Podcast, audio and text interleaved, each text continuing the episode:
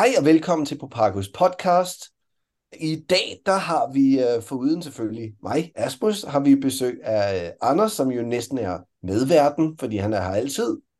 Ja. ja, og vi har også uh, sådan en special appearance, det er uh, Michael. Yes, hej. Vi havde ikke råd til en AI, så vi tog mig i stedet for.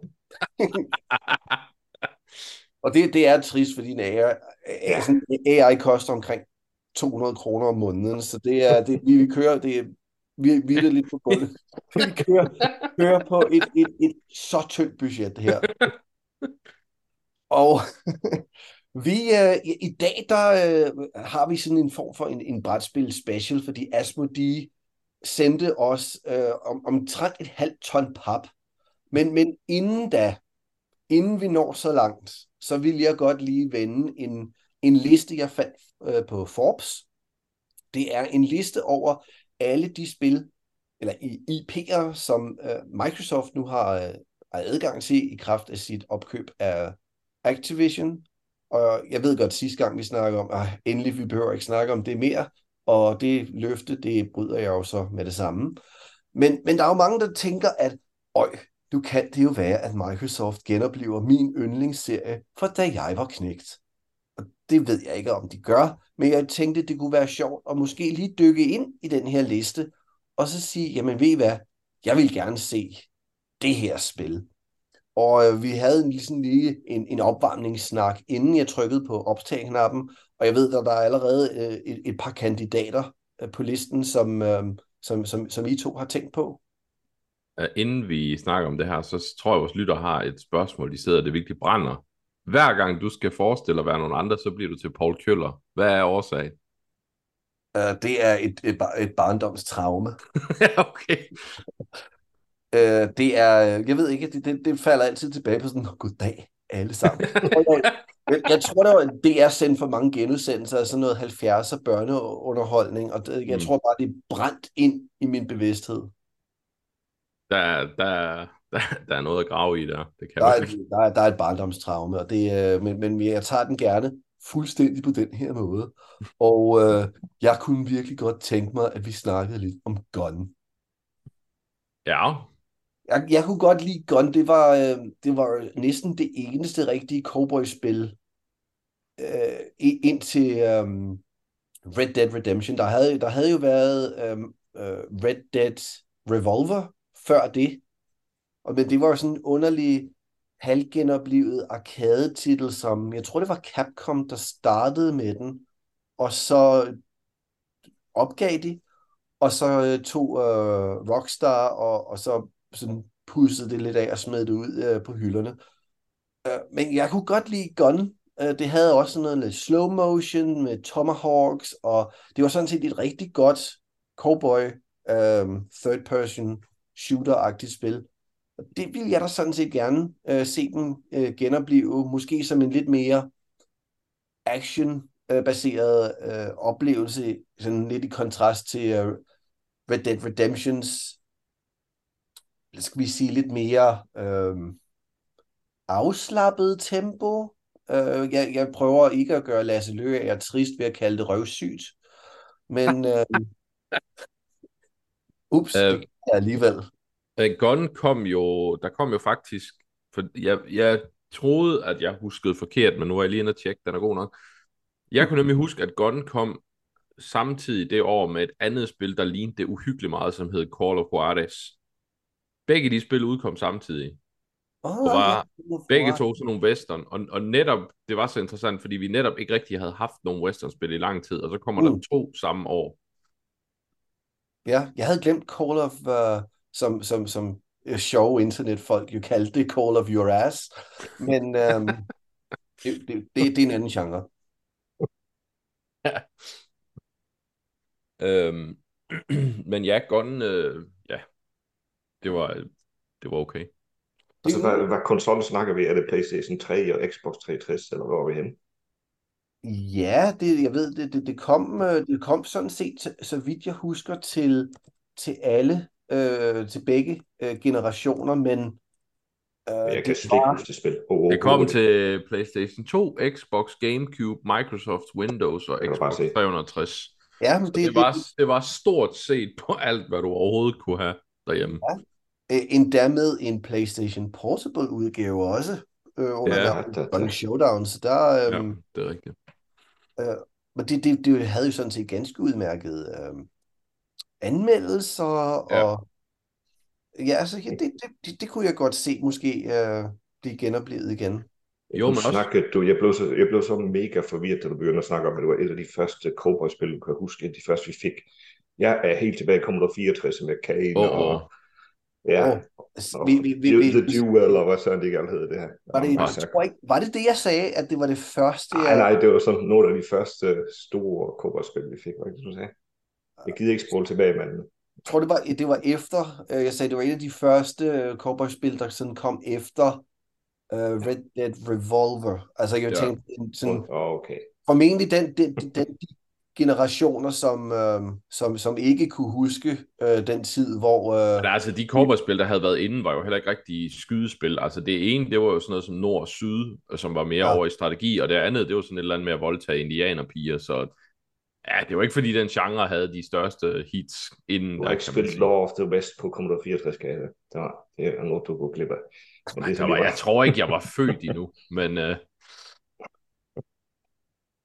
ej, øh, men altså, Men uh, Gun har jeg som sagt ikke prøvet, og det var siger mig ind til, så det, om det kommer igen, er jeg faktisk fuldstændig ligeglad med. Så har de mange flere spil, som King's Quest, Police Quest og sådan noget lignende, som siger mig meget mere i det her. Og det ved jeg jo, Lasse han vil blive rigtig glad. Altså, Ja. hvis, hvis man skal kigge på, hvorfor Gun kunne være interessant, så er det jo netop, fordi vi kun i lang tid kun har haft Red Dead Redemption, som, som netop var øh, hardcore simulationsagtigt, hvor Gun var sådan lidt mere arcade shooter-agtig, og, og sådan en lidt mere arcade shooter tilgang Mhm. til en western, det tror jeg som end godt kunne, kunne have okay succes. Det er ikke noget, der siger mig noget, men jeg tror godt, der kunne være et publikum for det. Men hvad, hvad, hvad så med, øh, kan jeg høre, at øh, jeg er åbenbart den eneste her, øh, med, der sådan savner sexløberen. Hvad, hvad, hvad, hvad, hvad med jer? Hvad, hvad, hvad for nogle spil kunne I tænke jer sådan blive genoplevet her fra, fra den her liste? Jamen, Michael var jo inde på et par stykker, dem synes jeg da Ja. bare, han skal tage. Ja, vi kan godt snakke Police Quest for eksempel. Det er et af de gode gamle Sierra, som de hed i sin tid. Mhm. Ja, jeg vil næsten ikke sige klik en uh, øh, point spil, for det, var, du skulle faktisk taste alt. Det, var, de før, det første spil skulle du taste alle, du styrte med tastatur, du skulle skrive beskeder hele tiden, og ja, jeg, jeg kan huske, at vi brugte mange, jeg vil, næste, jeg vil starte med at sige dage om at gennemføre, men det bliver nok mange år om at gennemføre spillene dengang. Fordi man havde ikke en disse hjælp. Men jeg ved, at de har forsøgt at genopleve dem på et tidspunkt. men Det lykkedes vist ikke særlig godt. Jeg synes, jeg kan huske nogle af dem, de har forsøgt at komme igen. King's Quest kom for nogle år siden. Jeg har det faktisk liggende på min Playstation 4 et eller andet sted, hvor Ja, det var det okay kom sådan succes. episodic. Og det, det fik gode anmeldelser, King's Quest. Ja, jeg det kan kom huske, det, det, jeg er faktisk rigtig vild med det første, Ja. første udgave af den, men jeg fik Det var- aldrig spillet dem igen igen. Overhovedet ikke. Det, man mistede hurtigt interessen for den, for det, det havde ikke det samme charme, som de gamle, de gamle spil havde. Nej, altså, der har jo været... øh, Adventure-spil tror jeg stadigvæk har øh, masser af potentiale. Øhm, vi har jo haft nogle point-click-spil de Ja. sidste par år, som faktisk har haft okay succes, og, og udover det, så er der jo kommet lidt en ny genre med, med øh, Disco Elysium, altså, øh, hvad hedder det, CRPG uden kamp, altså hvor det er mere adventure. Og jeg tror, der er en genre der, øh, som, som der er en hel del uudforsket potentiale i, også især hvis man hopper ned af humorvejen, øhm, fordi meget af de gamle spil, der var noget charme, som du siger, der var noget humor og sådan noget, altså det var, det var en helt speciel, og, og der, jeg, jeg tror sagtens, det kunne fungere i dag også, det, det tror jeg, øhm, og, og netop fordi Police Quest og sådan noget er trods alt stadig IP, og folk kan huske øh, fra deres barndom, eller siger, åh, oh, men det kan jeg huske, det, det, det kunne jeg godt tænke mig at prøve nyt, og, og, og lige med den tematik Police Quest har, så er det også, kunne jeg godt forestille mig, at man sagtens skulle lave et spil i dag, der kunne, der kunne tale til mange, det tror jeg. sikkert. Og det er folk, de klister jo til alle de der tv-serier om politifolk og Præcis. lytter til podcast om mor og fiseblad. Det kunne sagtens blive en spændende true crime. Mm-hmm. Ja, altså, jeg tror, jeg tror, øh, jeg tror, at den her adventure-genre, den har, den har, altså, den er jo sådan et, et en, sin, sådan en undergenre, eller, eller ikke, undergenre, det er det forkerte ord, men den har jo sådan, den, den er der jo stadigvæk, men det er jo mere sådan noget virkelig hardcore tysk indie-spil, altså sådan noget øh, Mm-hmm. Tunguska og øh. Siberia, og, og altså, det er jo spil, som stadigvæk bliver genudgivet, eller udgivet, men det er jo sådan nogle, det er jo virkelig hardcore niche genre i øjeblikket. Uh, men altså, nu ved jeg, jeg så her forleden, at uh, Broken Sword uh, Ja. ja. får en, en, en genudgivelse. Jeg tror, det er det første, der bliver genudgivet. Men så er der vist også snak om et, et nyt også. Og det er jo, det er jo altså jeg kunne godt lide Broken Sword-serien. Det er jo ikke sådan et Activision, men, men stadigvæk uh, adventure. Jeg tror, Mm. det eneste, man skal, de skal være uh, sådan påpasselige ved, det var jo, at de blev jo så obskure.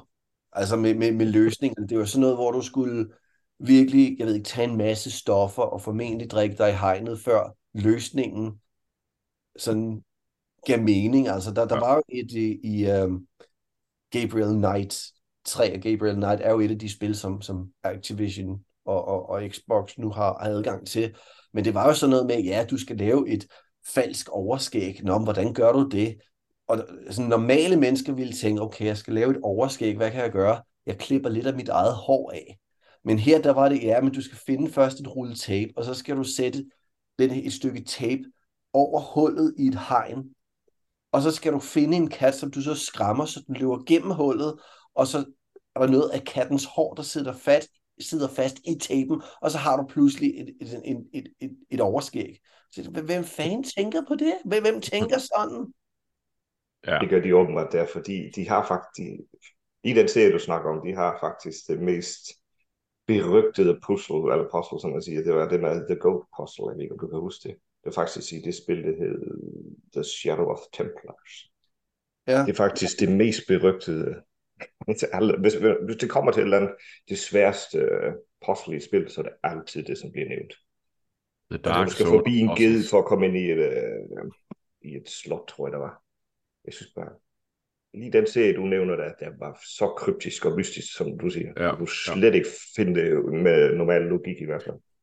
Nej, og, og det er jo lidt den, øh, hvad kan man sige, øh, den faldgruppe, som, som nogen puzzlespil falder i, det er det der med, at, at det ender med, at folk bare sidder sådan øh, fanaf, øh, fibrilsk og klikker rundt på skærmen for at finde et eller andet at agere med, og, Ja. og så går hele ideen lidt død. Jeg sidder lige nu og spiller et, et puzzlespil, der hedder Chance of Shannara, øhm, som er den retning, de skal gå i. Altså, hvor, hvor, man, hvor det ikke er åbenlyst, men trods alt, hvis man sidder og studerer omgivelser og sådan noget, så kan man stille og roligt regne ud, hvad er det egentlig, jeg skal her. Øhm, og lige Chance of Shannara er noget, vi kommer til at snakke om senere, fordi det er super godt. Øh, men der, der er det sådan noget med, at der skal du øh, decifrere et sprog, som han har lært et sprog ved hjælp af, hvad du gør. Øh, altså for eksempel, det kan være, at et eksempel er, at det kan være, at der er en, der kalder på dig, og så at han bruger fakter, der viser, når, så kan du regne ud, når, når, den, når han siger det der, så kan det være, at det betyder hej eller her, eller sådan et eller andet, og så det er, det, det er ret godt. Men det er noget i den stil, man skal over i, altså at det skal, det, man skal bagefter tænke, okay, det var logisk, men samtidig skal det for- selvfølgelig heller ikke være for åbenlyst. Altså, så, så det er en balancegang, men de rigtig store og rigtig gode adventure games, de formåede jo at ramme den der balance. Det var derfor, de var så gode, som de var. Mm. Ja. Jeg finder den ikke altid i dag. Altså apropos brætspil, som vi skal Enig. snakke om senere. Vi, vi var i sommerferie i Danmark, og så købte vi et brætspil. Oh, hvad, hvad, lige nu kan jeg ikke huske navnet på det, men det er sådan, du skal med, nej, du skal sidde med en iPad. Jeg har anmeldt den første udgave. Nå, Chro- Chronicles of Crime. Heller ikke. What? Stop bare, Anders. Anders prøver sådan, det er sådan desperat. Åh oh, ja, men det er jo den her. Nej. Du har en iPad, og der er tre forskellige uh, spil i spillet, hvor du skal løse, så det er forskellige sværhedsgrader.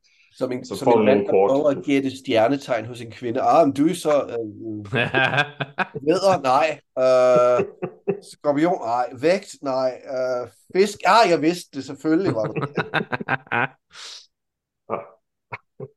Men i det, i det brætspil, jeg vil snakke om her, der, der skulle vi også løse nogle forskellige opgaver. Du skal løse dem inden for et tidspres. Og nogle gange, så, hvis du ikke kan komme videre, så kan du få nogle hints, og du kan faktisk også få løsningen. Du misser så Mhm. noget tid. Og ofte så får man løsningen, og så sidder man bare tænker, what the fuck, det giver da stadigvæk ingen mening. Hvordan det er, når du kommer frem til en løsning. Det står ikke, hvordan, at det bliver ikke forklaret, hvordan du kommer frem til løsningen. Men løsningen Okay. er der. Og vi har sgu sådan fire voksne mennesker, og prøvet at ja, finde ud af, hvordan delen kommer du frem til en løsning, og det har vi ikke magtet ved, ved nogle opgaverne. Så ja, det, Ja, det- det... Det, det er en, som du siger, en balancegang, som er lidt svær. Mm. Øh, hvis jeg sådan skal pege på, øh, så, altså det ene spil, jeg kunne pege på, det er sådan ret selvisk, fordi at jeg er glad for MOBA-genren, så jeg kunne godt tænke mig, at de gjorde noget med Heroes of the Storm, som jo lige nu er i, hvad hedder, hvad de kalder det, maintenance mode.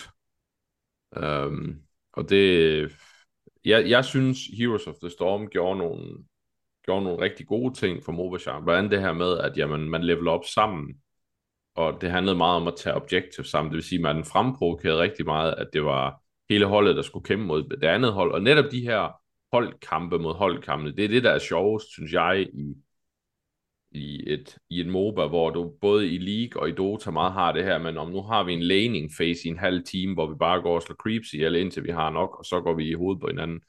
Hvor, hvor Heroes of the Storm, det var meget sådan, jamen du er, på, du er i hovedet på det andet hold sådan ret hurtigt, allerede efter to minutter. Øhm, og så samtidig det der med, at man levelede op sammen, det vil sige, det var ikke sådan, at der var en, der skulle have alle kills. Altså, man arbejdede sammen, og hele holdet, hvis man begyndte at spille egoistisk og bare tænke, om nu, nu fikser jeg det hele, jamen så tabte man, fordi hvis det andet hold så valgte at gå sammen og klare objekt, sådan noget, jamen så vandt du ikke. Og derfor synes jeg, det kunne rigtig meget, øh, og derfor er det ærgerligt, at det gik i maintenance mode, og jeg tænker med Microsoft nu, så, så kunne man genopleve det spil, og rent faktisk øh, lave et MOBA, som, som kunne tale til til den almene bruger. Altså ikke, ikke til dem, der i forvejen spiller Dota og League, fordi der er en grund til, at de gør det. Men jeg, jeg tror, der er rigtig mange mennesker derude, der kunne blive glade for MOBA-genren, hvis den var lidt mere venlig over for almindelige mennesker, og nogen, der ikke sidder og spiller det 10, 12, 15 timer om dagen. Ikke? Altså det, hvis, hvis, hvis man havde en indgang til genre og sige, at jeg spiller måske to matches eller et eller andet en gang imellem, men jeg kan stadigvæk føle, at jeg kan være med, fordi det holdet, det drejer sig om, så nogle af de andre kan bære mig lidt med, hvor du i nogle af de andre MOBA-spil, jamen der bliver du vidderlig bare udstillet hardcore, hvis du ikke, øh, hvis, hvis, du, hvis du ikke har det som livsstilsspil. Så, men, men det var sådan ret selvisk en, også fordi Heroes of Storm er trods alt et relativt nyt spil. Hvis du skulle kigge på et spil, der har manglet i mange år, så synes jeg, at Warcraft, øh, som, altså strategispillet, det mangler vi en ny titel. Um, fordi dengang Warcraft 3 kom, revolutionerede det jo RT, en RTS-genre, der var ved at gå lidt i stå. Og at sige, at RTS-genren er gået i stå, det er vel en nærmest en underdrivelse. Altså, der kommer jo nærmest ingen spil, og dem, der gør det, er nogle indie-spil, som kun en, en vis niche. Så jeg mangler, at de kommer med et nyt Warcraft, mm. som igen gør noget nyt og, og taler til den, til den brede spiller. For det er jo det, Blizzard altid har kunnet. De har kunnet tale til den brede spilgruppe, altså til alle, i stedet for, hvor du har sådan nogen som From, som taler til et niche. Jamen så Blizzard, det var mere til alle dem, der ikke var nødvendigvis hardcore gamers. Um, og, og det kunne jeg godt tænke mig, at de gjorde, at Warcraft fik lov at blive genoplevet. Ja, altså det seneste, det seneste RTS-spil, sådan er virkelig store, det, der skal vi jo kaste os helt tilbage til 2021 med uh, Age of Empires. Men, men du har ret, der, det, det er en genre, som ikke er så, så... Øh... Jo, jo og, og det Age of Empires var igen, jamen det var, det var et rigtig godt Age of Empires, men det gjorde jo ikke noget nyt. Altså, det, det talte ikke til nogen, der ikke der ikke havde, altså alle dem, der ikke har spillet RTS og ikke kom fra den tidsalder, kan man sige, hvor det var inde, jamen de så jo ikke på Age of Empires og tænkte, hey, det skal jeg prøve det her, fordi det, når det ligner et spil, min far spillede. altså. Ja. Altså, jeg, jeg, jeg, jeg kigger på listen, og så tænker jeg, der, det er sådan lidt mere, de, må, måske lidt mere actionpræget, som jeg sådan set tænker, Singularity 1, som jeg gerne ville se komme tilbage. Mm. Uh, og for dem, der ikke har spillet det, det var sådan et, et, et uh, underligt, det var sådan tidsmanipulationsagtigt uh, action shooter-spil, hvor du får en handske, der kan kontrollere tiden, og så retter du rundt på en sovjet militærbase, hvor monstre dukker op, og det var sådan set rigtig, rigtig godt. Det var um, Raven Interactive, tror jeg, der, der, der stod for det. Ja. Um, og de, det, det, det var sådan set rigtig, rigtig godt spil, og det havde bare, jeg ved ikke hvorfor det, det, det aldrig fik den succes, som jeg synes, det, det fortjente. Øh, hvis vi kaster os øh, sådan ned endnu længere tilbage i tiden, så er det sådan set gerne se spil som Quake. Quake øh, ejer de jo, øh, det er jo godt nok Bethesda, men, men, men Quake vil jeg gerne se, men også sådan noget som, øh, som Hexen øh, og Heretic, som jo var, øh, jeg tror igen, det var Raven, det var jo jeres, øh, øh udviklet tilbage i, i den tid, hvor også Doom øh, udkom, men det var jo altså mere mag- magi, men, men, men samme formular som Doom, men det, i stedet for, at det var på en militærbase, så rendte du rundt med en høtyv og kastede øh, ildkugler efter, øh, efter, efter monstre. Og det, sådan noget vil jeg gerne se komme tilbage. øh, hvis ikke helt samme formular som Doom Eternal, så i hvert fald sådan lidt mere ja, jeg vil bare gerne se lidt mere rigtig interessante first-person shooters end bare Call of Duty og ja, det er jo sådan set næsten. Men, men heksen er vel nærmest alt andet lige bekræftet, at det kommer. altså, Phil Spencer har både name-droppet det, da de begyndte at snakke om den her, og han har rendt rundt med en heksen t-shirt, og øh, jeg vil være meget overrasket, hvis der ikke kommer et nyt heksen. Ja. Jeg tænker så bare, hvem skal lave det? Så sådan som du beskriver Phil Spencer en gang, så skulle man tro, at han var et eller andet puzzle i et eller andet klikken, point and click spil. Det er han da også. på hans over bag, og man skal se ja, ja, ja, det, så kan man finde ud af, hvad de kommer, udkommer Jamen, folk, folk går fuldstændig, og jeg, og jeg synes, det var lidt en, en tåbelig gimmick fra starten, jeg må indrømme, men altså... Men, men øh, hvem skal lave heksen så, Asmus? Jamen, jeg synes, at øh, for, for det første, så vil jeg så gerne se, at øh, de udviklere, som... Og jeg tror, det går tilbage til vores snak for nogle, et par podcasts siden, at øh, forhåbentlig kan vi se, at mange af de studier, som er nu under øh, Microsoft paraplyen, får lov til at vælge sådan lidt, hvad de vil, hvad de vil arbejde med. Og der er jo rigtig ja. mange, altså for eksempel, øh, der er jo hele den her organisation, som jo sådan set bare har, har pumpet Call of Duty-spil ud. Binox, øh, Raven, og så videre, og så videre. Jeg vil gerne se, at Raven måske fik lov til at sige, vi vil da gerne prøve noget andet end Call of Duty, eller mm. um, Binox var jo sådan en, jeg vil sige, dobbelt A-udvikler engang. De lavede mere sådan noget platformspil. Jeg tror, de lavede, um, jeg tror, det hed Sphinx. Det var sådan et, et, et egyptisk... Åh, oh, ja, ja, ja. ja. ja. Og de lavede også mange af de der um, uh,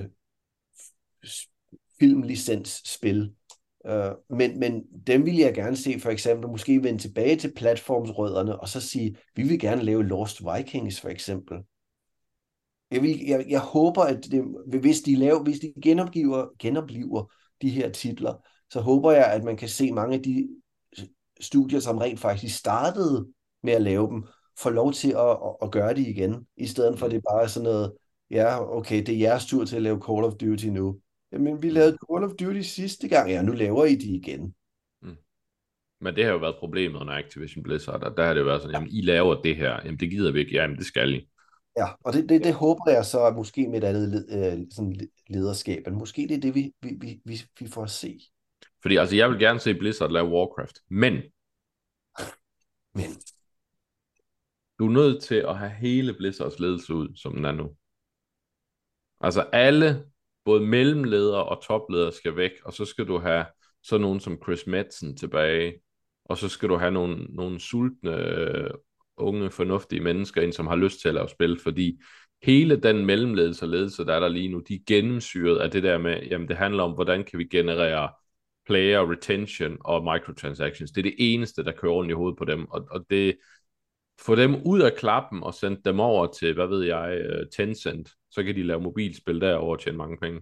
Um, men, Men, men Chris vendte jo tilbage, gjorde han ikke?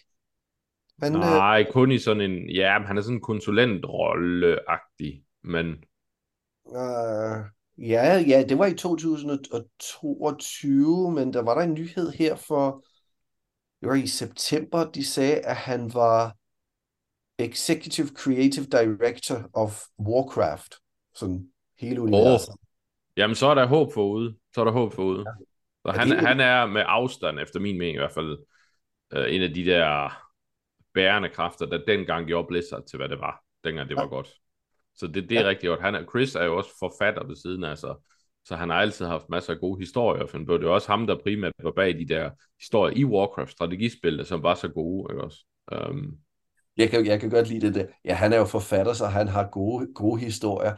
Det er ikke ind sådan lige... Øh, du kan godt være forfatter og have lidt de historier op i ærmet, Anders. Det... Er der nogen bestemt, du tænker på, eller hvad, Nej. hvad er vi jo? Øh, ja, det, det, det, det, det, det, det er der, men, øh, men, men det er formentlig øh, ikke, hvem, du tænker på. Jeg tænker på... Øhm... Du ved da ikke, hvem jeg tænker på. Okay, så tænker vi begge, på, begge to på J.K. Rowling. Interessant. Ja, det gjorde vi faktisk.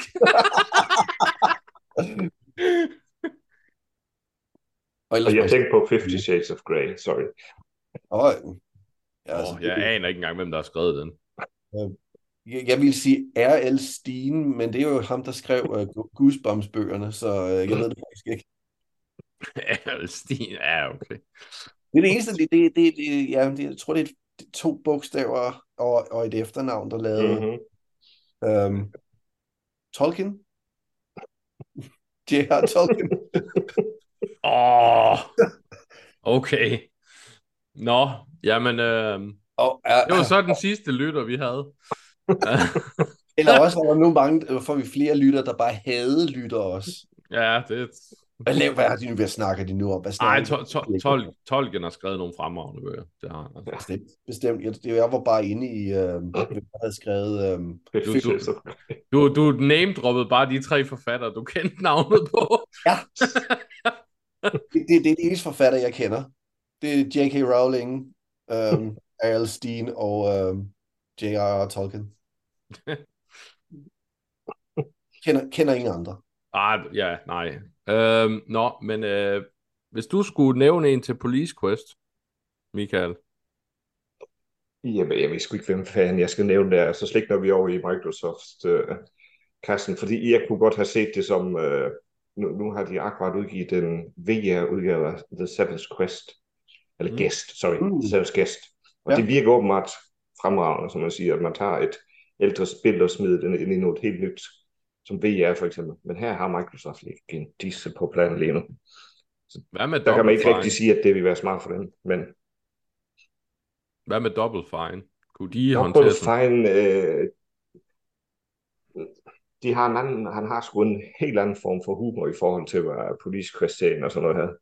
Han er mega sjov. Jeg skal ikke sige det, altså, øh, de laver nogle geniale spil, altså, hvad var det, det hed, det Full Throttle for eksempel, eller de, Mm. Ja.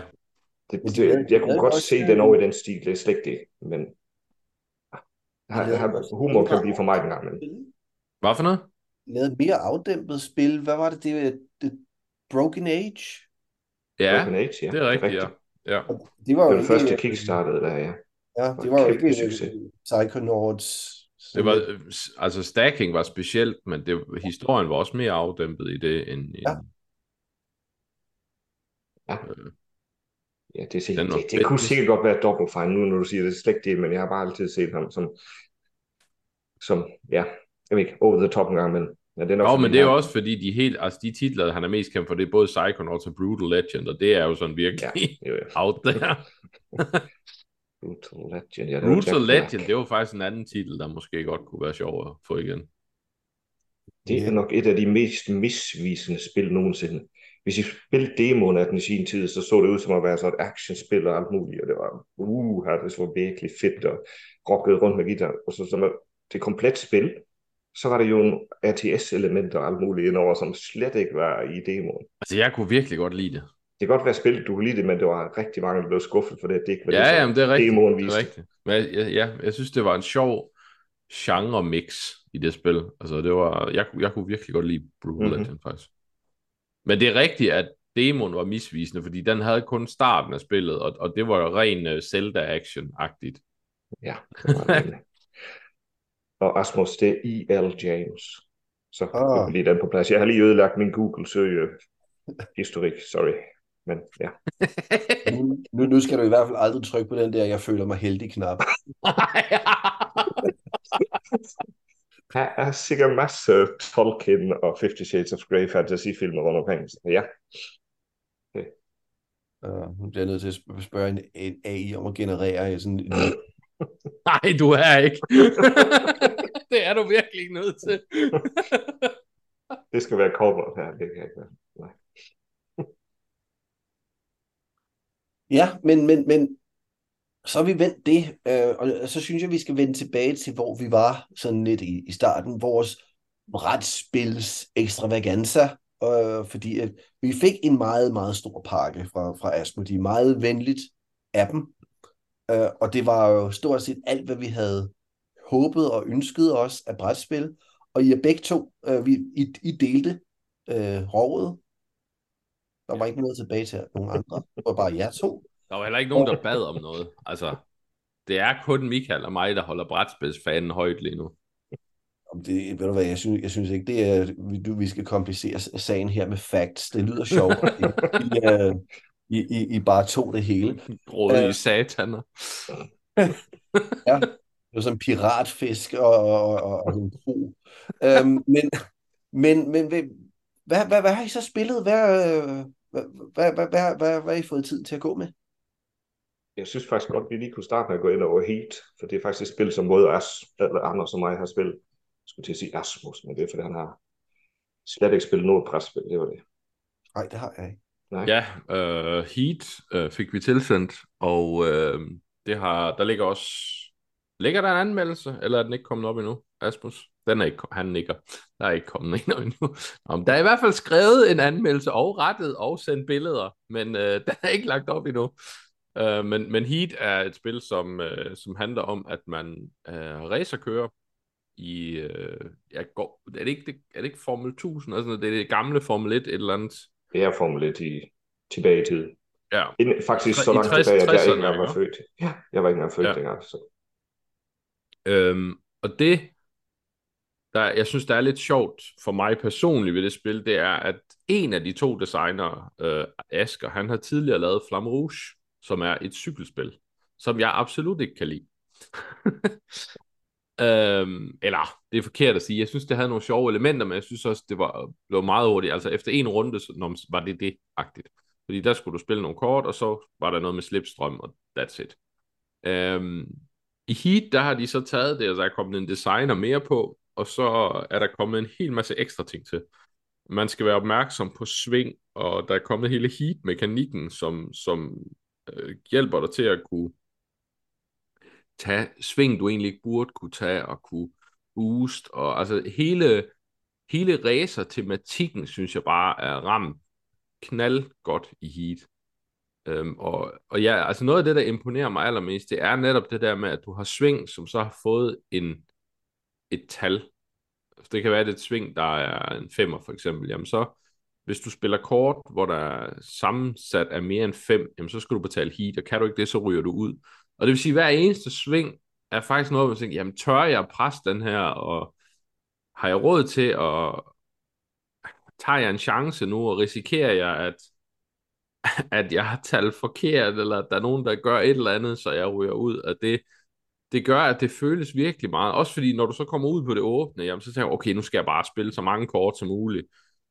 Og, og det er rigtig meget, øh, ligesom forestiller mig at være racerkører, det her med, at du hele tiden tager chancer. Og, og det, jeg, jeg synes, Heat er, jeg er vildt imponeret Heat, det må jeg sige. Jeg har det akkurat på samme måde. Fuldstændig på det. Altså, jeg, de klarer helt vildt godt at smide uh, rarspilsgenren over på et brætspil. Det er det, som er faktisk mest imponerende.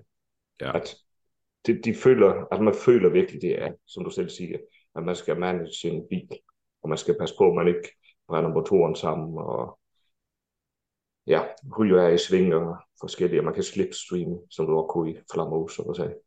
Men her er det mere, her giver det mere mening faktisk, end det gjorde i Flammehus. Ja, det gør det. Det er så helt sikkert.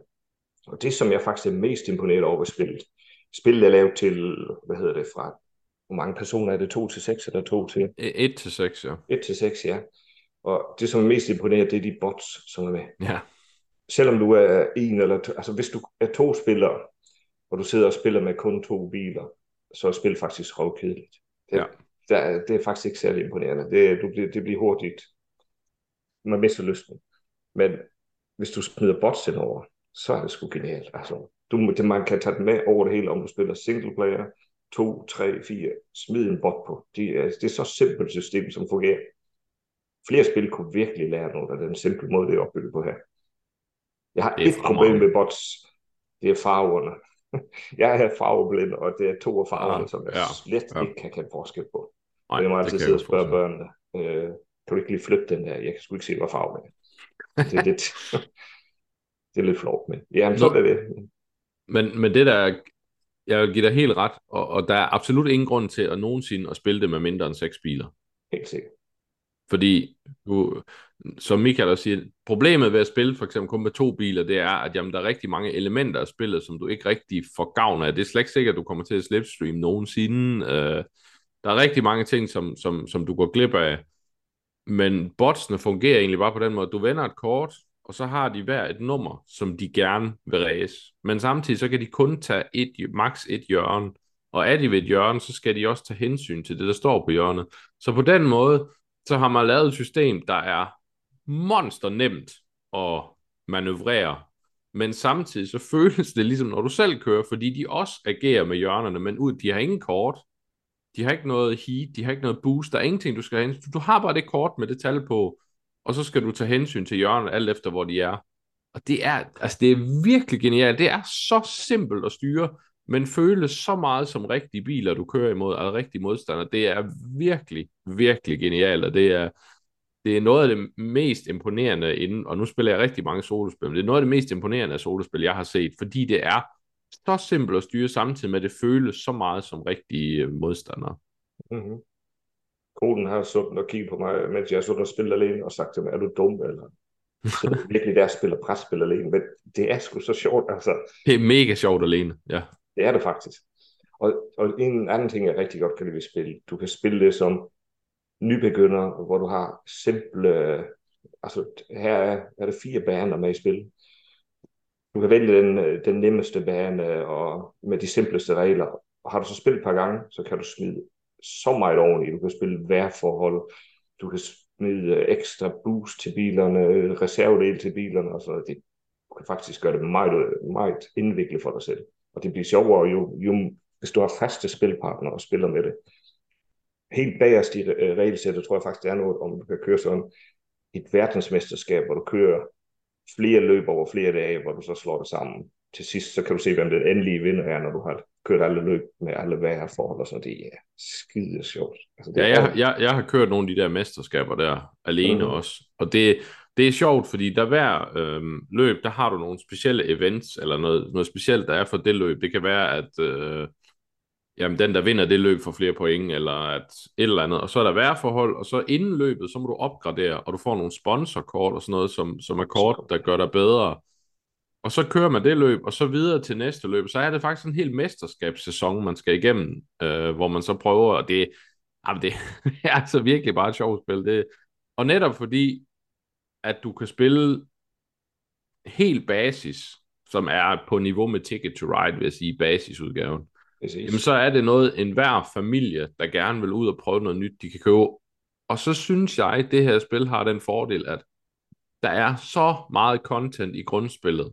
Altså der er, nu nævnte Michael, der er fire baner, der er forskellige mesterskabsløb, der er, der er så meget, så der er så meget at gå i gang med. Du får virkelig meget for pengene her. Det føler jeg virkelig. Så, så er selve spilæsken faktisk rigtig godt gennemført.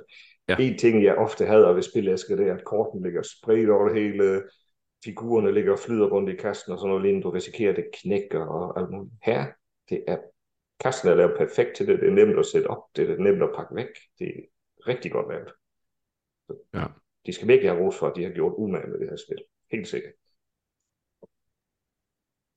Men altså, det er også, altså Days of Wonder laver typisk et nyt spil om året. Ja. Øhm, og man ved altid, at når de kommer et eller andet, så er det et eller andet specielt. Og hvis ikke andet, så er det i hvert fald altid gode komponenter. Men her, der, der har de virkelig bare ramt. Altså jeg, jeg tror fuldt og fast på et heat. Jeg tror ikke, måske ikke, det bliver lige så stort som, ja, jeg ved det ikke. Men, mm-hmm. men det kunne godt, altså det er deres næste, det er det næste Pandemic Ticket to Ride et eller andet. Det er jeg helt sikker på, fordi alle kan spille det, og der er så meget potentiale, også for udvidelser i fremtiden, nye baner, nye ting, og det, ja. Det har scorebundet en del priser efterhånden. Det ja, det har det, og det er velfortjent. Altså, der ja, er ikke noget der. Er helt sikkert. Men apropos at spille det sat øh, gode komponenter og sådan noget, så har du vist os nogle billeder, at du var i gang med et eller andet meget indviklet spil, som så ud til her. Meget genfødte komponenter. Uh, uha. ja, uha, ja. Der har været det nogle var stykker. et af dem, som Asmus siger, hvor vi skal bruge et kæmpe stort spisebord i en uh, herregård. Det Nå, i hvert fald ja, uh, så tænker I nok på Weather Machine måske. Det er akkurat det. Ja. Hvor langt er du kommet med det? Uh, jamen, jeg har spillet det et par gange, faktisk. Um, og jo mere jeg spiller det, jo mere viser det, at det slet ikke er så komplekst, som det virker, når man først... Um, det virker meget... Altså, jo, det er mere komplekst end Heat.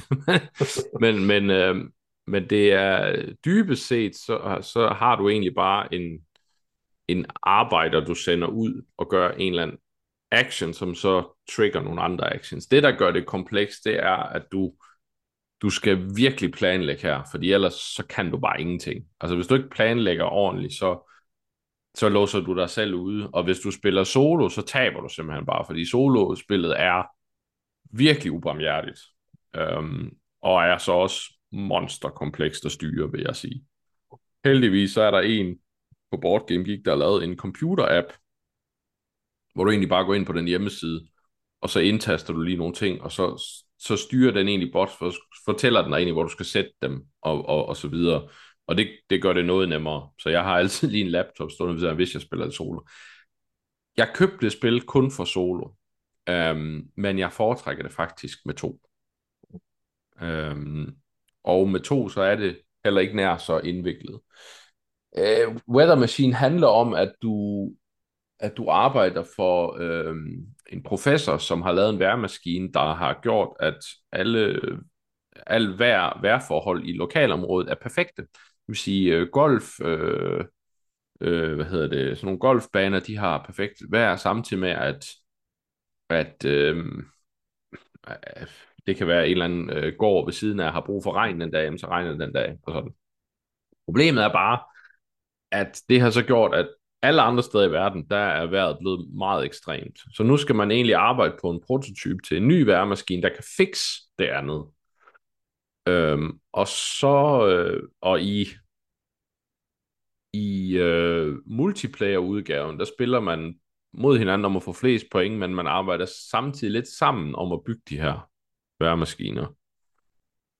Så man er lidt afhængig af hinanden. I soloudgaven, der kæmper man mod noget, der hedder Sabotørerne, som er et andet firma, som for alt i verden vil sørge for, at det ikke lykkes. Øh, de vil selv have kontrakten med regeringen, så de prøver at sørge for, at vejret eksploderer simpelthen. Øh, samtidig med, at de stjæler kontrakterne fra dig og sådan noget. Øhm, og, og i i solospillet er der også altså, mulighed for, at du simpelthen taber ved, at vejret det eksploderer. Uh, hver gang du har de der, så du kan også tage sabotørerne med, hvis du spiller med flere spillere, for at lave en sådan en lille ekstra uh, udfordring, kan man sige, men jeg synes, spillet er rigeligt udfordrende uden.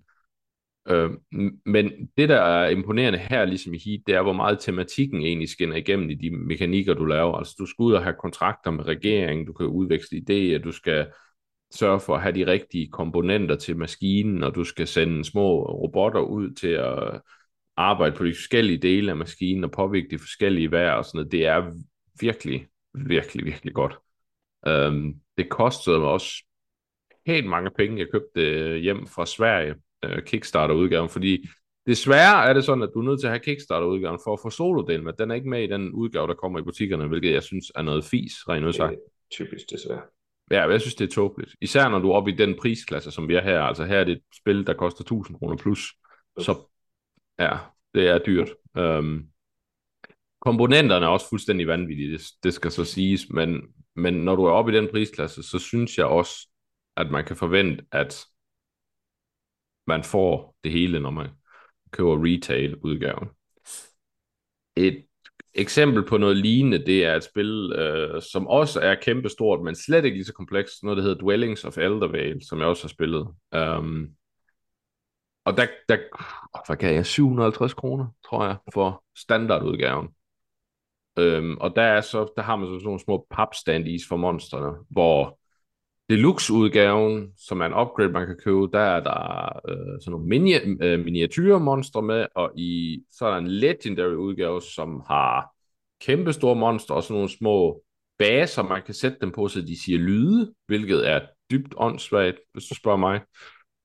Øh, men mit største problem med det spil i forhold til komponenter, det er egentlig et standard i udgaven. Jeg synes, det er standees og sådan noget, det er fint. Øh, men selve ressourcerne ikke er træ, det er sådan noget, og, og de små svær, de er så spids, at bare lige snart du presser dem ud, så er de allerede i fare for at bøje og alt muligt. Det synes jeg er lidt træls.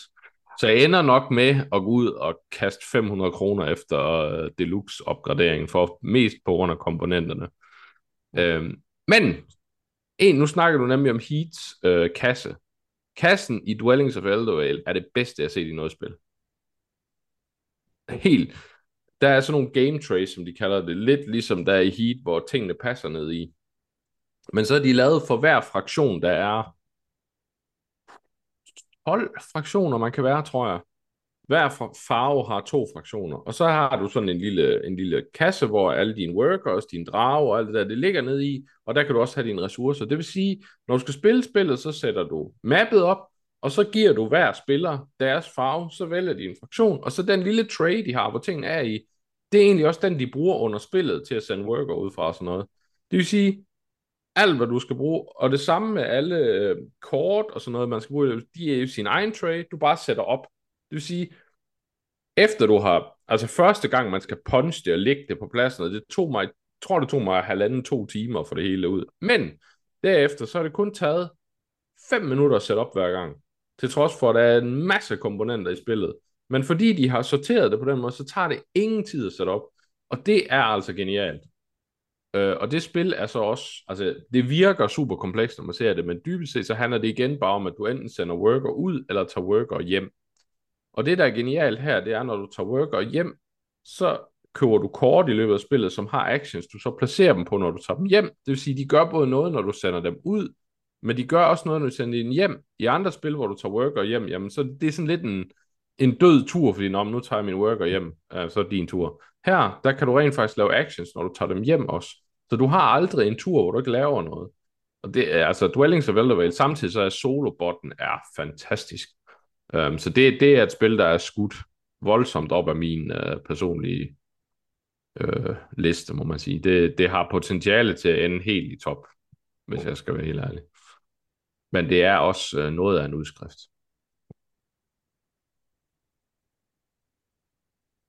Må jeg jo passende lige hoppe over til et ikke så indviklet spil.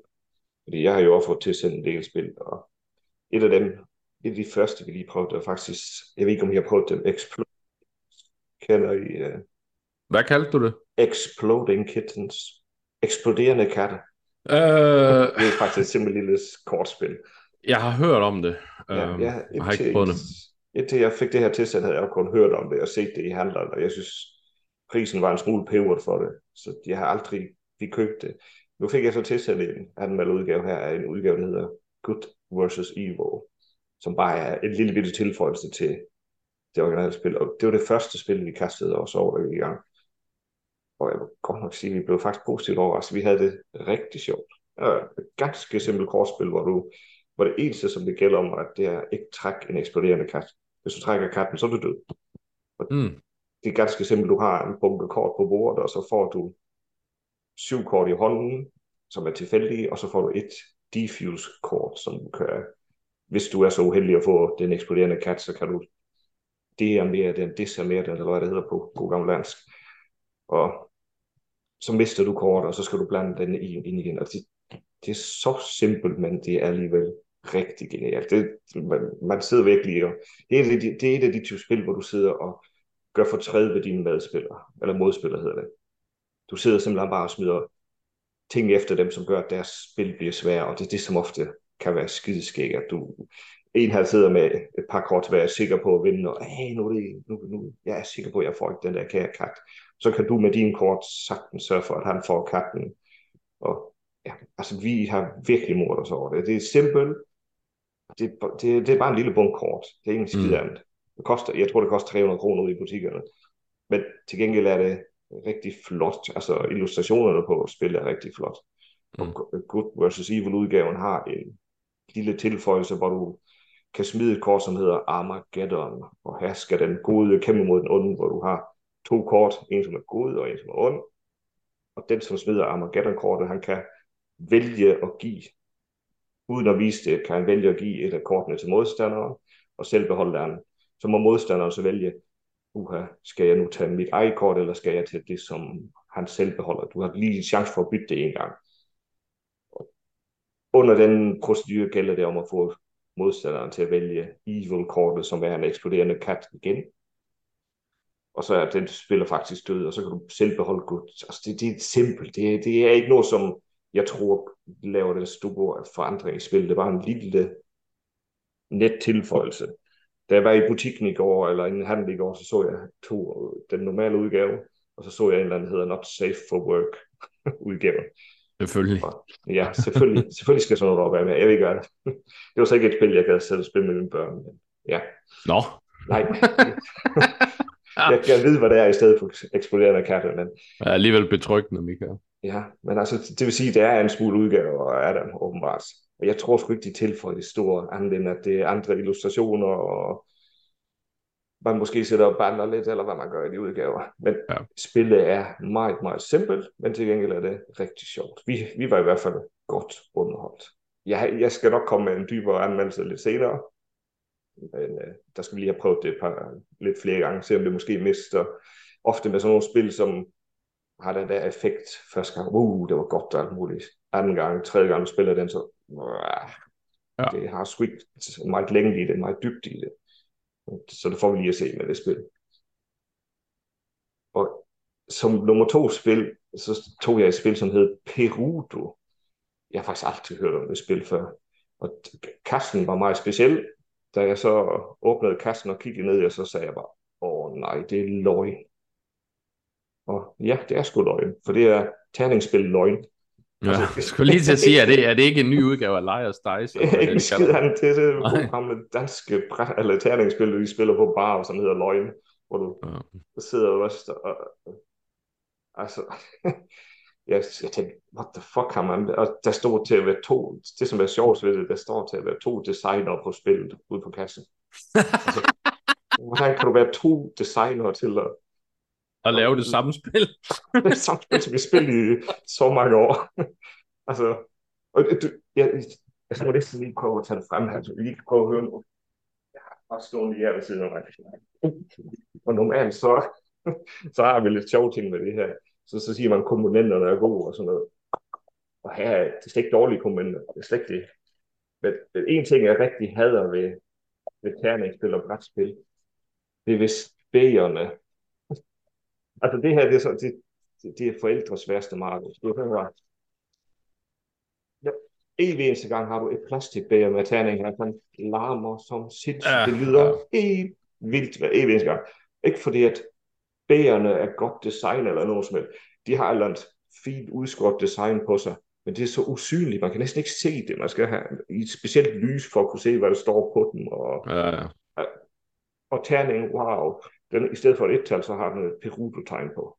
Fantastisk genialt fundet på. og så kommer altså, det, altså, det skulle to udviklere til at lave det spil her. Jeg er virkelig ikke imponeret over det her. Nej. Selvfølgelig er Liar's Dice, eller Løgn, som det hedder på dansk, et rigtig sjovt terningsspil.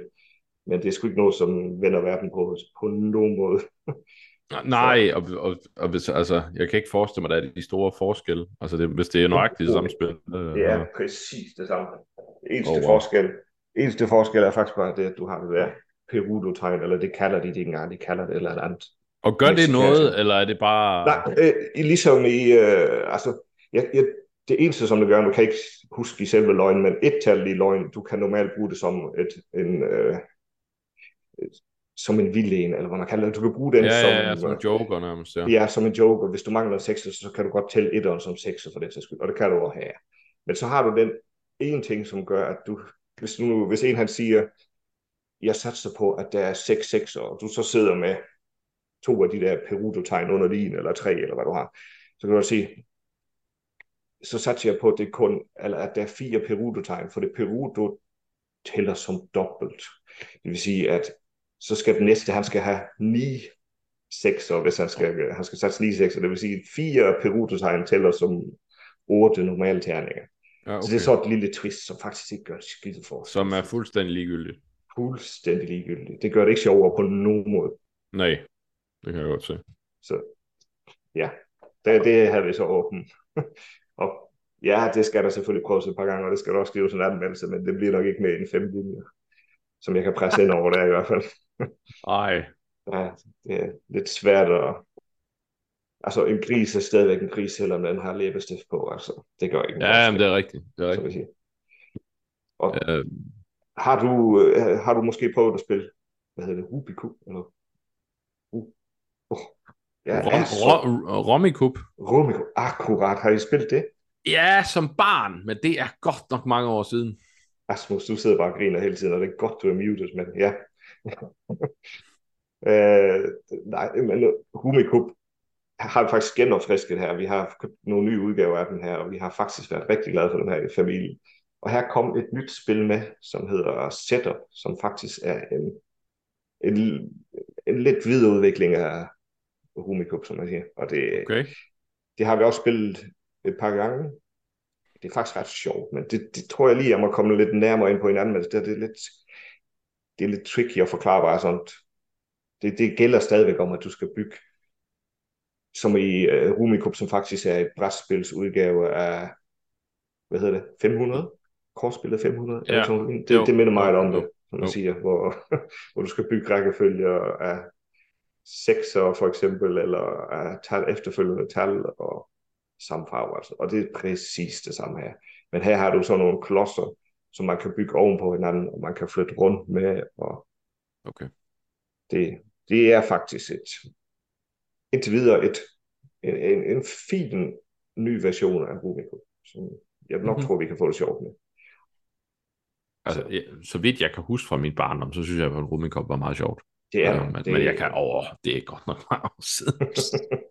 øhm, jeg har spillet i går øh, Dixit Disney, og øh, Dixit er et spil, jeg selv havde for mange år siden og spillede en, en hel del dengang. Men, altså, men nu er der kommet en Disney-udgave. Og øh, Dixit Disney er et spil, hvor hver spiller har nogle billeder, nogle kort med billeder på, som er sådan nogle abstrakte billeder, hvor det så den her gang er Disney-tematik. Og så er der en, der fortæller, og han skal så nævne en frase, en sætning, et ord, et eller andet. Det bestemmer man selv fra det her billede. Og målet, det er så at få andre spillere til at gætte, hvad for et kort, der er hans. Men hvis alle gætter det, så får han ingen point. Så det handler om at få nogen til at gætte det, men ikke alle. Og samtidig så skal de andre spillere lægge et kort fra deres bunke, som de mener matcher det, han har sagt. Og så hvis de, nogle af de spillere så stemmer på det, jamen så får de også point. Øhm, og illustrationer og så videre i Dexter Disney er, altså i det originale Dexter, de er fantastisk kreative, og nu har de så bare tilføjet et, et Disney-element, men de har valgt, altså det er ikke bare billeder fra Disney-film og sådan noget, heldigvis. Det er helt ny, øh, frisk billedkunst fra Disney, med Disney på, og så helt abstrakt, og det er virkelig flot, og det er, det er et spil, der er sjovt. Altså det er virkelig sjovt sådan at prøve at være kreativ, og prøve at skulle læse de andre spillers tanker, og så, og så samtidig skulle prøve at sidde og kigge på sine hånd og kort og tænke, har jeg noget, der passer med musikalsk længsel, eller hvad det nu kan være, folk har sagt. Um, og, og det fungerer stadigvæk, og jeg synes faktisk, Disney-tematikken gør det endnu bedre, fordi lige pludselig har du noget, alle kan være med til. Altså alle kender, og alle holder på et eller andet, måske ikke lige Stefan, men de fleste mennesker holder af Disney på et eller andet plan. Um, og det her, det er jo de gode gamle tegnefilm. Uh, ja, der er også noget Monsters Inc. og sådan noget, men det er altså, det, det, det er der, Øh, der er ikke der er ikke noget hverken Star Wars eller sådan noget, men de har holdt sig til til Disney og Pixar, og, øh, og det er, jamen det er rigtig sjovt, og, og, og altså ja, det er rigtigt, man, og så skal man have, øh, den der så først får 30 point har vundet, men det er egentlig, det er egentlig lidt ligegyldigt, fordi det der er sjovt ved det, det er det her med at sidde og, og prøve at finde en eller anden frase, og så sige, jamen, jeg skal helst have max det må ikke være alle, der gætter det, men der skal være nogen, der gætter det. Og så sidder man der og tænker, åh oh, oh, wow, jeg har et kort her, der passer perfekt til det, den person lige har sagt. Det smider jeg ind nu, og så er det alle gætter på mit kort, i stedet for fortælleren. Så jamen, det, er, det er et rigtig, rigtig godt spil. Og øh, billedkunsten er altafgørende for det spil, og den er intet mindre end fænomenal i den her udgave. Det er klart det flotteste Dixit-spil, jeg har set. Eneste lille manko, jeg har, det er, at kortene er af lavsig kvalitet. Øh, en kort blanding, og så var der allerede øh, øh, riser i toppen og sådan noget. Mm. Så jeg vil sige, det første, man skal gøre, når man får det her spil, hvis man kører det, det er det at få købt nogle kortlommer til, og så for mig. Det er svære, men det er altså nødvendigt her. Det, øh, ja. En, en ting, som jeg lige må spørge om, noget. jeg har set flere anmeldelser på YouTube, og ja, Dixit-spil, og jeg så Disney-udgaven her. Ja. Fungerer det, hvis du er for eksempel kun to eller tre spillere? Det Nej. synes man, det virker bedst, at du er fire eller Nej. flere. du skal være minimum fire. Ja, okay. Øh, på boksen står der også 3 til 6, men jeg synes heller ikke 3 fungerer. Det fordi du kun har to, og der en fortæller, og det... Nej, du skal minimum være fire, og jeg vil næsten sige, jo flere, jo bedre. Ja. Det kunne jeg godt forestille mig. Det, det er nok det, som jeg tror vil være det største problem med at spille sammen til andre folk. Men selvfølgelig godt til så party, hvis du har eller en aften, hvor du skal sidde og hygge med nogle spil, kunne jeg forestille mig. Det fungerer fint med fire, skal så siges. Altså, det, det, det fungerer rigtig fint. Um, men, men du skal også minimum være fire. Det vil sige. Og med hensyn til børn, så er, de skal alligevel være en vis alder, fordi de skal tænke relativt abstrakt. Øhm, og for de fleste børn, der vil det være sådan, i hvert fald i små børn, vil sige, nu skal du sige noget, der er på billedet, jamen så siger de, øh, Mickey i en taxa. Ja, så, så dør den lidt, ikke også? Øhm, så så det, det er lidt, lidt svært med mindre børn. Det, det, de skal simpelthen tænke for abstrakt til, at det umiddelbart er lige til. Der vil altid være nogle børn, der kan. Der er også nogle børn på 5, der spiller Weather Machine, men altså, sådan øh, gennemsnitsbarn på en 5-6-7 år vil nok få lidt svært ved det her spil. Altså, og jeg tror, jeg er heller ikke sikker på, at de vil synes, det er så sjovt, faktisk. Øh, selvom det er Disney, så er det, det er et spil, der har, det sjove i Dixit, også i disney det er det der med at sidde og prøve at læse hinandens tanker og sådan noget. Altså, hvordan tænker du? Og, og det er som om, det, det er ikke noget, i hvert fald mine børn synes ikke, det er videre interessant og vide, hvordan far tænker. Det... ja. Så, men, men, men, men ellers vil jeg sige, at det er et virkelig godt spil. Det, og der kommer en anmeldelse af det i næste uge forhåbentlig. Nu har jeg lidt meget på, på tallerkenen, men jeg tror, det kommer i næste uge en anmeldelse. Også altså, Blender Duel regner jeg også med, at der kommer en anmeldelse i næste uge. Og Super Mario Bros. Wonder. For, ja, og Heat. I, ja, men det, den er skrevet trods alt. Den er skrevet. Jeg ved det godt. Jeg ved det godt. Den, den ligger bare og, og, og gærer i min inbox. Ja, sige. tak. jeg synes som en fin vin. Som Jamen, det er godt. Asmus, du burde næsten være med i et andet spil, jeg har fået tilsat, som hedder Hand to Hand Wombat. altså, Aber, nu har jeg ikke, jeg har ikke spillet det endnu. Uh, uh, 10 ud af 10 for titlen i hvert fald. Ja, ja. Jeg, jeg åbnede æsken og tog uh, hvad hedder det, instruktionspapirerne ud der, og det første står på den, lad være med at læse dem her. Altså, what? Ja, og så, så er det en QR-kode i stedet for, så skulle vi se en video af, hvordan de spiller det. Okay, det giver mening, altså ikke det. Men jeg tænkte bare, det, de er jo nok så kreative. Og jeg har så været inde og se nogle videoer af det, og jeg kan faktisk godt forestille mig det, at meget skægt spil, men det kræver det, at du har, du har nogle folk, som gider spille, og som har det ret mindset. Spillet virker meget simpelt. Du spiller faktisk i æsken. Du stiller æsken på bordet, og i den har du tre sådan nogle pinde, som har seks tilhørende ringe, som man skal købe på, og de ringe er i forskellige størrelser.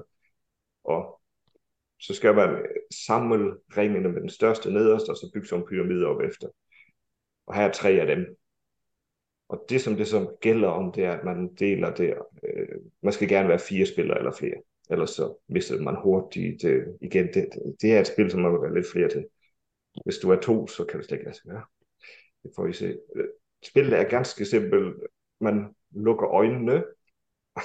Det virker så pille men man stiller en timer til 90 sekunder, og så lukker man øjnene, og så må du kun bruge en hånd under hele de 90 sekunder til at flytte rundt på tingene ind i den kaste. Du skal stable tingene, så det giver de tre pyramider. Og det lyder simpelt, men inden spillet starter, så deler man fire kort ud, og en af de øh, spillere, som trækker kort, han bliver en ond wombat.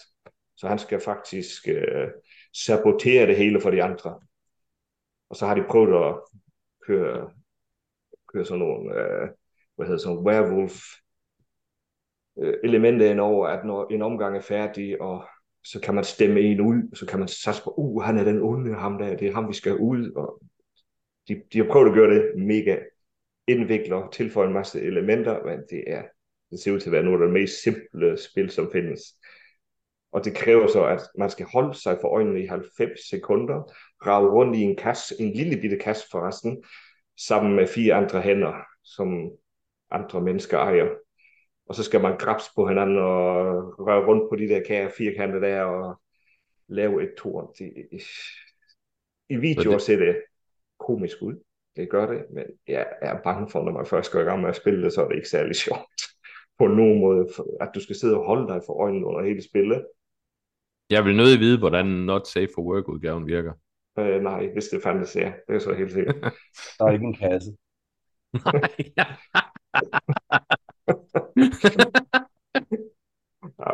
Jeg skal lave en lækker anmeldelse af det, når det kommer så vidt, men det, jeg, jeg tror virkelig, det er et spil, som kræver fire jævnaldrende personer, som har kendt hinanden i lang tid, som eller fire okay. eller flere. Som har jeg går ud fra, at man skal ikke være introvert i hvert fald. det er så helt præcis.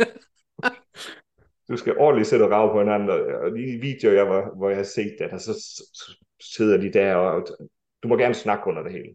Du må gerne sidde og sige, åh, giv mig femmer, jeg mangler en femmer herovre ved min, åh, nu skal jeg have en fire, kan du give mig den? Og så er det selvfølgelig en, som skal sabotere det her, han sidder og giver de forkerte klodser til dem, eller forlanger de forkerte klodser til et af tårnene. Øh. Og altså, det ser hektisk ud, men alligevel også sjovt. Men igen, jeg er spændt på at se, hvordan det kommer til at fungere, når jeg skal spille det med mine børn. det, det bliver lidt af nok. jeg håber, konen vil være med, så bliver det lidt sjovt. Ja. Så, I burde se en video af det. Hand to hand wombat. Jeg ved ikke, om jeg tør. Nej. man ved heller ikke rigtigt, hvad det, hvad det indbyder. Når man ser kassen til spil, så, så, så er det slet det, man forventer, når man åbner den i hvert fald. Det som er i den. Så. Ej, altså jeg, jeg skulle sende de der spil op til dig, og jeg, så jeg havde set kassen, og det du beskriver der, var ikke det, jeg havde forestillet Nej, mig, da jeg så kassen. Jeg, jeg, jeg troede, det var et eller andet abstrakt spil, hvor man skulle bygge en pyramide, og så sætte to wombats på, eller et eller andet. Ja, så... præcis. Det var også noget lignende, jeg forestillede mig. Men ikke, at man skulle slås og modarbejde hinanden. Altså, og det skal være en ond. Og så, spil det, når man giver på en, når de 90 sekunder er slut, så kigger man, hvis det er bygget tre komplet tårn, så får de gode, de får to point. Hvis det kun er bygget to tårne, for eksempel den sidste, den ikke nu hvor du bliver færdig, så får man et point. Er der kun bygget et tårn, så får den onde for et point. Er der slet ikke en tårn bygget, så får man to point. Og så har man så et lille scorebræt ved siden af, hvor man flytter ind. Og den, som først har fået tre point, har vundet. Så det, du, du spiller som minimum to spil. Og så kan man køre sådan nogle twist ind, hvor du kan få nogle nye kort ind, hvor, hvor du får besked på, at når den gode har to point, så bliver du lige pludselig ond. Så skal du hjælpe de onde i stedet for. Og så nogle små twists, som kommer ind, som faktisk ser ud til at gøre det sjovt. Men uh, vi får se på tiden, når, når jeg kommer i gang med det, og får skrevet en anmeldelse af det. Det er så ja. et af de mange spil, jeg har. Jeg fik en del spil. Jeg kan ikke huske, om det var 12 stykker eller 13 stykker, jeg vil tilsætte, men det er en del, vi skal igennem med. Mm. Det her så i hvert fald de første 3-4 stykker, som jeg har prøvet. Så der er masser af indhold forude for vores læsere fra jer begge to. Ja, det er der. Ja. Ja, med mindre de har lige så meget dybde som Perudo, alle sammen, så, så kan jeg godt. Ej, jeg, jeg, jeg kan fortælle dig, at der bliver en del at skrive om i forhold til i hvert fald Star Wars deck building. Det er... Okay, det er ikke bare øh, Olsen med Star Wars bagger. Nej, det er det Nå, slet okay. ikke. Nej, Godt. men det er godt. Så. Øhm. Ja, men der er en del på vej. Det må man Ja. sige. Har du spillet noget andet ellers, som du lige Øh? Jamen, jeg har, jeg har spillet en del brætspil på det seneste. uh, jeg har også spillet... Jeg nævnte sidste gang, jeg ville tale om Age of Innovation. Um, og... Men jeg, jeg, nu trækker det her podcast også lidt i langdrag, så jeg tror, vi gemmer den. Men jeg kan sige, at Age of Innovation, for dem, der ved, hvad Terra Mystica og Gaia Project er, så er det egentlig lidt en videreudvikling af Terra Mystica. Og for alle, der ikke, ikke ved, hvad det er, der må de vente til næste podcast, for at vide, hvad det er for noget. Jeg har Øh. forresten, når, mens, mens vi lige i gang her, Stefan, han, jeg var på sommerferie i Danmark, så anbefalede Stefan mig at købe nogle ommatch-spil, og jeg købte tre udgaver af den, Volume 1 og Volume 2, og var det Røde Hætte mod, eller kan jeg huske, hvad det var, Beatle, eller nej, jeg mindst ikke, hvad det var, lige Ja. Og jeg har prøvet at spille dem med børnene.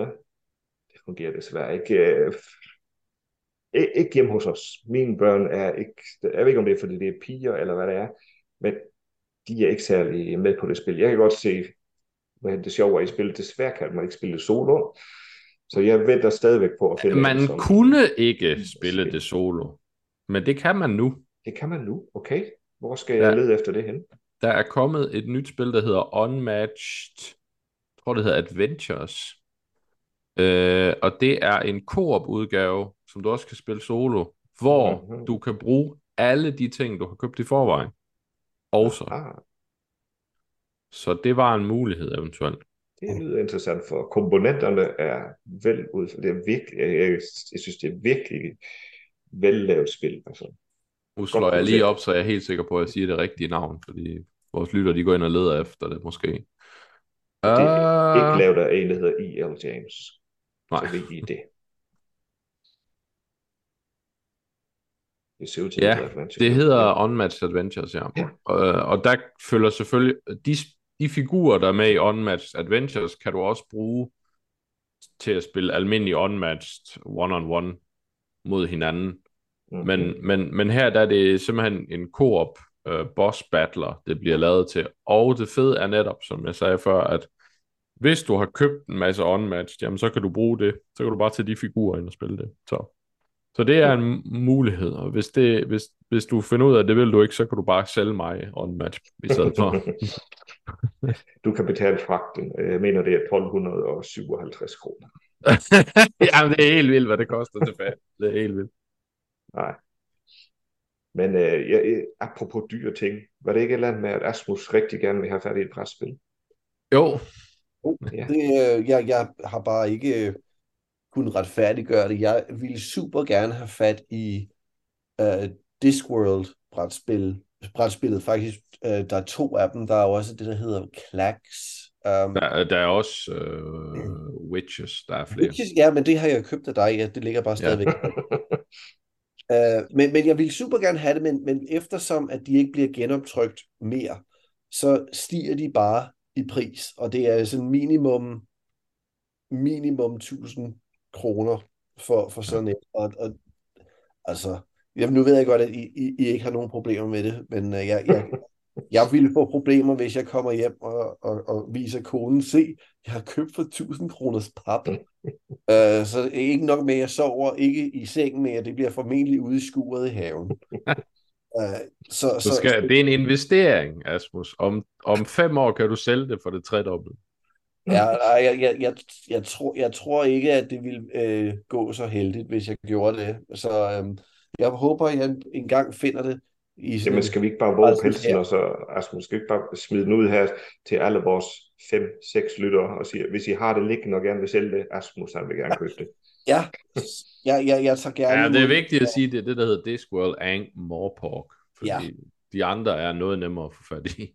Ja, Og det ærgerlige er så, at lige det spil også, skulle også være det bedste af alle Mm. mm. Discworld-spil.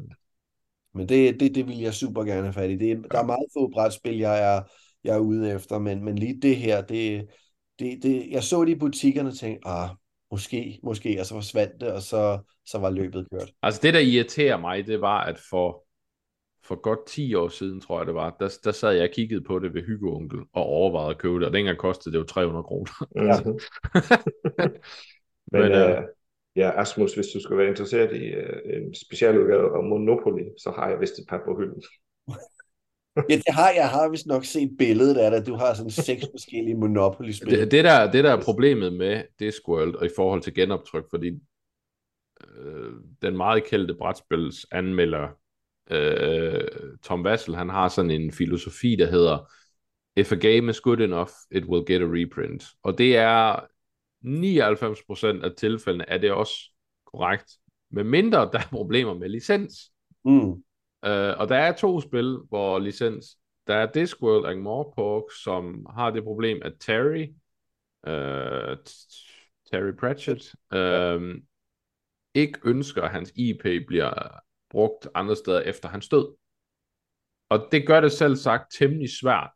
Mm. Der er lavet en ny udgave af det her spil, men ikke i Discworld-universet, og så går hele ideen lidt af det. Øhm, fordi jeg går ud fra, at grunden til, at du vil have det, det er netop fordi det er Discworld. Det er det. Ja. Øh, så øhm, ja, for dem, der er ligeglade med, at det er Discworld, man gerne vil have meka- for mekanismers skyld, så hedder det et eller andet øh, Nancy Narkit, eller et eller andet, den nye udgave. Ja, vi burde have det her omdøbt podcasten til dem, med kan ikke huske navnet eller sådan noget. Vi er, Ja, men det er, Det er hver gang. svært. Altså, det, når det er sådan nogle lidt obskure spil og sådan noget, så er, øh, så er det lidt svært, synes jeg. Men, men øh, der er lavet en ny udgave, den hedder Nancy et eller andet. Det er det, ja. Jeg, Ja. jeg overgår ikke engang Google. Øhm, men øh, men det, det er mest kendte... Narking, ifølge øh, Wikipedia. Jamen, det lyder rigtigt. Ja. Øhm, det mest kendte af sådan nogle spil, som ikke er blevet genopgivet, det er noget, der hedder Glory to Rome. Og hvis man skal have The Black Edition af det, så er du op i mange tusind kroner. Det er altså bare en kasse med nogle kort i. øh, og der er det igen, fordi at licensen, den ligger ikke hos designeren, sjov nok, men det ligger, det firma, der havde licensen oprindeligt, er vist gået nedenom og hjem, og nu ligger det ved Hasbro, tror jeg, og de har ingen planer om hverken at genudgive det, eller at gå af med licensen. Så det er sådan et spil, hvor man siger, jamen det bliver højst sandsynligt aldrig genudgivet, selvom der er vildt mange mennesker, der vil gerne betale for det. Uh, så det er sådan lidt nogle gange, tænker og det samme med Discworld, altså der er rigtig mange, der efterspørger det, og med de priser, det går for, så kan man jo også sige, der er tydeligvis et marked for det, men uh, ja, desværre, så ligger de sådan lidt i, i man kan måske håbe, at på et eller andet tidspunkt, så går Terry Pratchett over til at være offentlig, øh, hvad hedder sådan noget, Ja. øh, ligesom, ligesom øh, men, men der, der skal vi nok et, et pænt langt ud i fremtiden. kan være, at jeg bare begynder at, at, at sende upassende beskeder til Rihanna Pratchett på, uh, på Twitter, og uh, siger, det er det eneste, jeg har lyst til i, i, i den verden, det er ny, uh, at få lov til at, at se de her spil blive genopgivet. Jamen det, det er, og det er hende, man skal igennem, hvis det her på nogen måde skal lykkes. Og ja, efter sine har hun nul interesse i brætspil, så jeg, jeg tror, den er svær. Men til gengæld Men har det kan være, at hun har interesse i upassende billeder for dig, Asmus, så du må jo se, om hun, du kan lave en hun har handel der. Interesse, hun har interesse for computerspil, fordi hun har jo øh, været i, forfatteren på øh, øh, Lara Croft, øh, Ja. det seneste Tomb Raider, så det kunne i det mindste være, at vi måske kunne få lov til at få en genudgivelse af Discworld Noir. Mhm. Så, så, så ja, det Ja, Ja, må se. Måske. måske. Men jeg, jeg tvivler, fordi det var åbenbart et ret klart ønske fra Terry, at, Ja. at hans... Hvorfor? altså- Altså, Forstår jeg ikke. Altså, det, det, Jeg, jeg, han ville ikke have, have sin, øh, de ting, han ikke havde udgivet, øh, udnyttet. Det ved jeg i hvert fald. Men altså, han, hans bøger bliver jo stadigvæk genudgivet, og de laver nye lydbøger. ja, Så- men det er det, Forestil mig, som at jeg har forstået det, så er det, så er de kun må, kun må bruges til bøger. Ja. Mhm. Men altså, de andre ting er, er jo allerede lavet. Så det er jo ikke fordi, at det er at udnytte hans, hans verden. Det er jo sådan set bare at fortsætte med, med igen at, at udgive dem.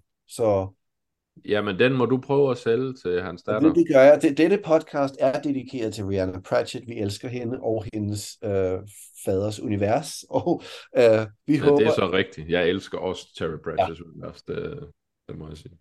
Så vi kan altid håbe. Vi kan altid håbe Vi håber.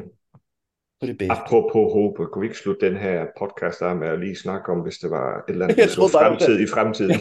Jeg håber på, at vi bare kunne afslutte den her podcast nu. Jeg tror det samme. Apropos håb, kan vi ikke lukke nu? Okay.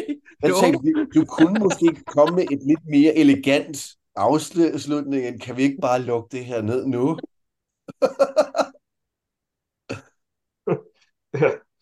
Hvad håber du, Michael? Nej, jeg håber, du vil fortælle mig, hvilke spil. Hvilke kommende spil inden for det nærmeste tid, du ser frem til, eller udgivelser af eller anden art.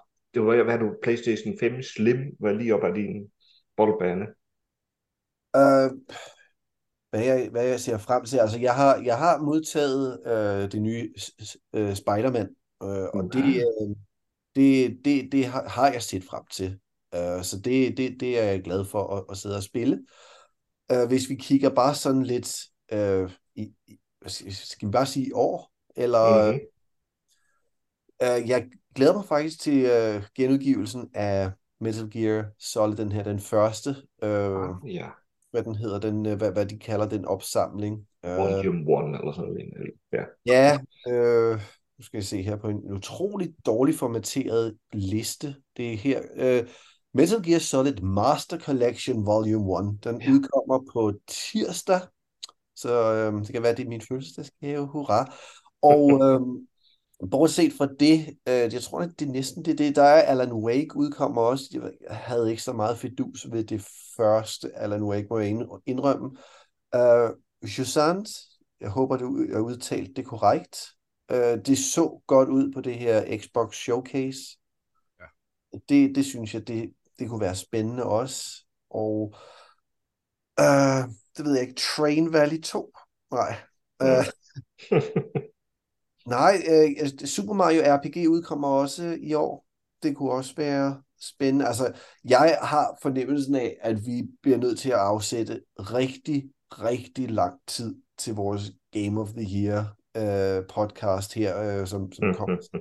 Fordi jeg tror, det bliver et absolut mareridt at komme igennem. Ikke fordi Ja. det er dårligt at snakke om det, men fordi at 2023 har været et sindssygt latterligt godt år for spil. ja, som Ja. spiller. Ja. Som, ja, som spiller, ikke som Mhm. de stakker, der er i industrien, gudskelov. Ja, men, men altså, der, der er så mange spil, der er kommet ud, og de ser rigtig gode ud. Alle sammen. Der er også en, en, en, stadigvæk nogle gode, der er sådan på banen. Øh, så, så jeg øh, ny, endda et nyt SteamWorld, øh, hvad hedder det, SteamWorld? Steam, jo, SteamWorld, SteamWorld Build kommer også. Okay. Øh, House Flipper 2, jeg kunne godt lide etteren. Altså, Fortæl lige lidt mere om det der SteamWorld, der, det har jeg sgu ikke hørt noget om. Jeg var helt vild med Dick og... Uh, SteamWorld Builds er et øhm, det er det er sådan en, en altså, det er sådan en form for strategispil ser det ud som om uh, hvor du uh, hvor du rent faktisk mere bygger uh, en base end du vader rundt uh, i, i de her miner. Altså SteamWorld er jo et særligt univers, hvor de sådan set bare kan klemme en hvilken som helst genre ind i, i, i universet. Der har jo været et heist-spil, der har været platform, God heist. Ja. Så, så, så ja, det, det, det kunne også godt være det spændende, øh, så frem det ikke er et sådan free to play, men eftersom det udkommer til alle, alle platforme, så tvivler jeg på, det er det. Så hvis man har Game Pass, så får man det gratis. det kunne jeg næsten forestille mig, ja. Øhm, øh, noget for dig, øh, Michael, Paint Pro for Kids, øh, Zero Plus. Jamen altså, der er, der er bare så meget. så, så ja, nej, jeg, det, jeg, der er rigtig, der er gode spil øh, stadigvæk øh, på, på beding. Bare se. Og, øh, men, men, men, men nu vil jeg opfylde dit håb, Michael. Jeg vil afslutte den her podcast, så øh, du kan jeg ved ikke, få noget mere kor- kaffe. Øh, og næste gang, der vil vi snakke om flere brætspil, Spider-Man, Super Mario Wonder osv. osv. Med os i dag, der havde vi Anders, Hej. Michael, Ja, I kan ikke se, men jeg vinker farvel. Ja, og øh, jeg var i dag jeres vært, Asmus. Og vi ses næste gang til en på Parko podcast.